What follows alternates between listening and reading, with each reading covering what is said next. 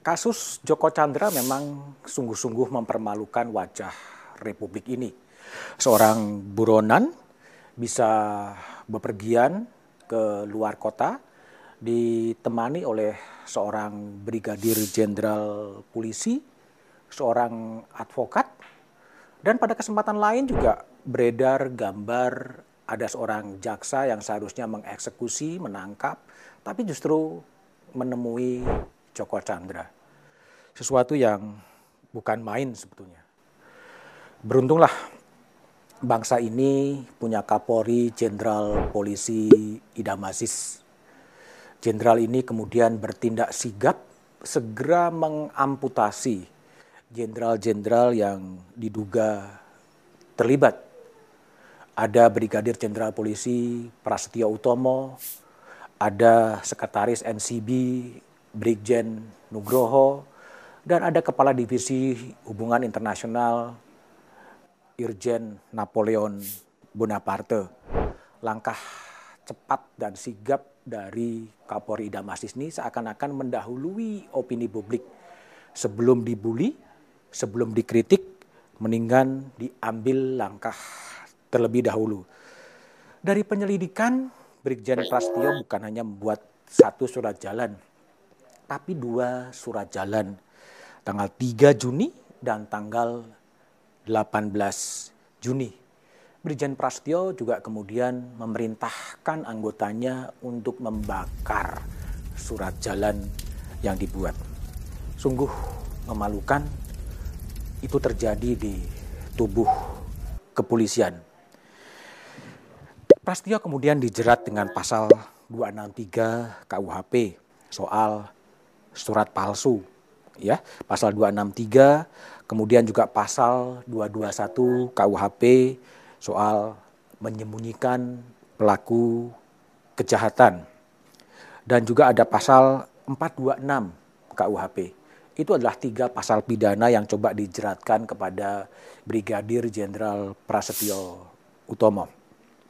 Yang menarik di balik kisruh soal Joko Chandra ada analisis yang mengkaitkan bahwa pengungkapan kasus ini kemudian dikait-kaitkan dengan suksesi di tubuh Trunojoyo I. Banyak orang sudah tahu bahwa kemudian Jenderal Idam Aziz akan mengakhiri masa tugasnya di Januari tahun depan. Artinya masih ada waktu sekitar enam bulan, ya enam bulan yang kemudian uh, untuk mencari pengganti siapa pengganti Kapolri Jenderal Idam Aziz.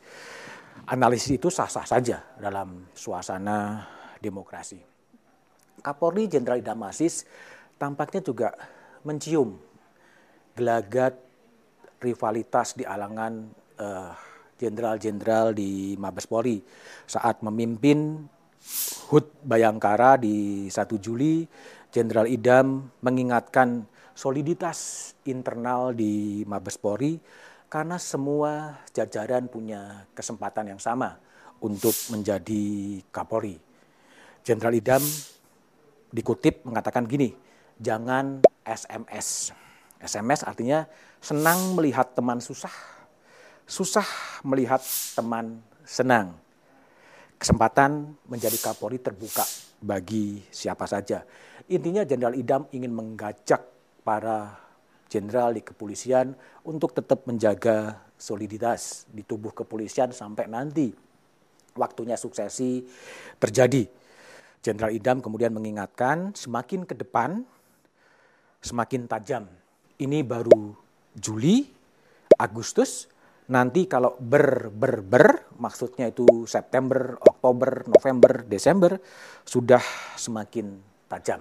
Artinya inilah wanti-wanti dari Jenderal Idam untuk perwira tinggi kepolisian tidak memanfaatkan rivalitas ini untuk bagaimana meraih kursi Trunojoyo I.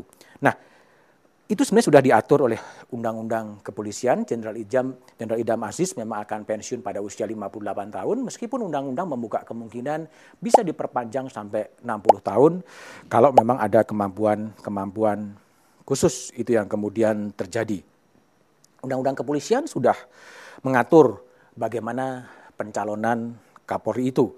Tentunya yang pertama harus ada diusulkan oleh Presiden setelah mendengar dari Komisi Kepolisian, ada Dewan Jabatan Tertinggi, dan kemudian harus mendapatkan persetujuan dari DPR. Jadi Kapolri diangkat dan diberhentikan oleh Presiden dengan persetujuan dari Dewan Perwakilan Rakyat. Sehingga pada masanya tentunya Kapolri akan diganti dan Presiden Joko Widodo tentunya akan memilih siapa yang akan mengganti. Sehingga kalau merefer kepada Undang-Undang Kepolisian, calon Kapolri adalah perwira tinggi kepolisian negara Republik Indonesia yang masih aktif dengan memperhatikan jenjang kepangkatan dan karier. Nah, mengacu pada pasal ini tentunya ada sejumlah jenderal ya sejumlah jenderal yang memang berpeluang untuk menggantikan Kapolri Idam Aziz pada Januari nanti. Yang pertama tentunya adalah Wakapolri Komjen Gatot Edi Pramono lulusan Akademi eh, Kepolisian tahun 1908. Jenderal Gatot akan berdinas hingga tahun 2023, masih ada jeda waktu. Peluang juga ada pada Komisaris Jenderal Riko Amirsa Daniel yang sekarang menjabat Kaba Intelkam, peraih Adi Makayasa Akpol 1988, masa dinasnya hingga tahun 2024.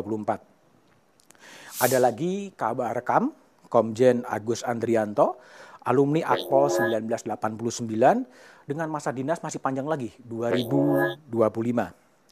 Ada lagi eh, kabar eskrim Komjen Listio Sigit Prabowo ini yang paling muda, alumni Akpol 1991 dan masa dinasnya sampai 2027. Komjen Sigit pernah menjadi ajudan dari Presiden Jokowi dan sekarang punya tugas berat untuk menyelesaikan permasalahan yang ada di Bareskrim.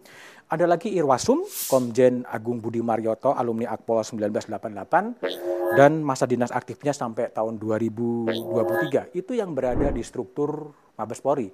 Kalau mau mencari ada yang di luar, ada Kepala BNPT, Badan Nasional Penanggulangan Terorisme, Komjen Pol Boy Rafli Anmar, ini perwira polisi angkatan Akpol 88 dan cukup dekat dan populer di media massa karena lama bertugas di Divisi Humas. Ada juga Sekretaris Utama Badan Intelijen Negara, Komjen Bambang Sunar Wibowo, Akpol 1988, dan masa dinasnya hingga tahun 2024.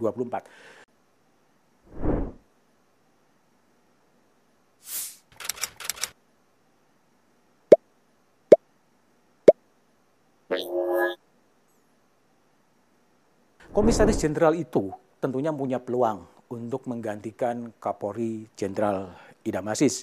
Meskipun dinamika sosial, politik, keamanan di eh, enam bulan ke depan akan sangat menentukan.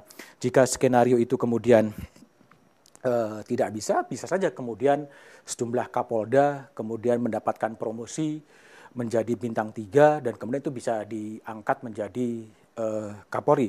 Tapi yang menjadi catatan tentunya adalah bagaimana dalam tempo enam bulan ini loyalitas, kinerja, dan upaya-upaya untuk memulihkan kepercayaan publik kepada kepolisian itu akan menjadi ukuran. Tantangan kepolisian ke depan eh, tidak mudah. Presiden Jokowi tentunya akan mengukur dan menilai siapa calon-calon Kapolri yang memang punya kemampuan untuk mensolidkan kepolisian, menanggulangi berbagai masalah. Sekarang ada COVID, Desember ada pilkada, itu menjadi ukuran. Tetapi juga chemistry. Chemistry dengan presiden menjadi ukuran. Bagaimana memulihkan kepercayaan publik kepada kepolisian pasca kasus Joker juga akan menjadi pertaruhan. Nah, situasi seperti inilah yang harus tetap uh, dijaga agar kepolisian Kapolri akan ditunjuk oleh Presiden Jokowi kemudian menggantikan pada Desember. Betul-betul sosok Kapolri yang memang uh, kuat kepemimpinannya, mempunyai uh, semangat untuk uh, menegakkan hukum tanpa pilih kasih, ya, uh, tetap loyal kepada Presiden. Dan juga PR yang paling penting adalah bagaimana kemudian dia bisa memulihkan kepercayaan publik kepada kepolisian yang agak bisa diyakini pasti akan turun setelah kasus Joko Chandra.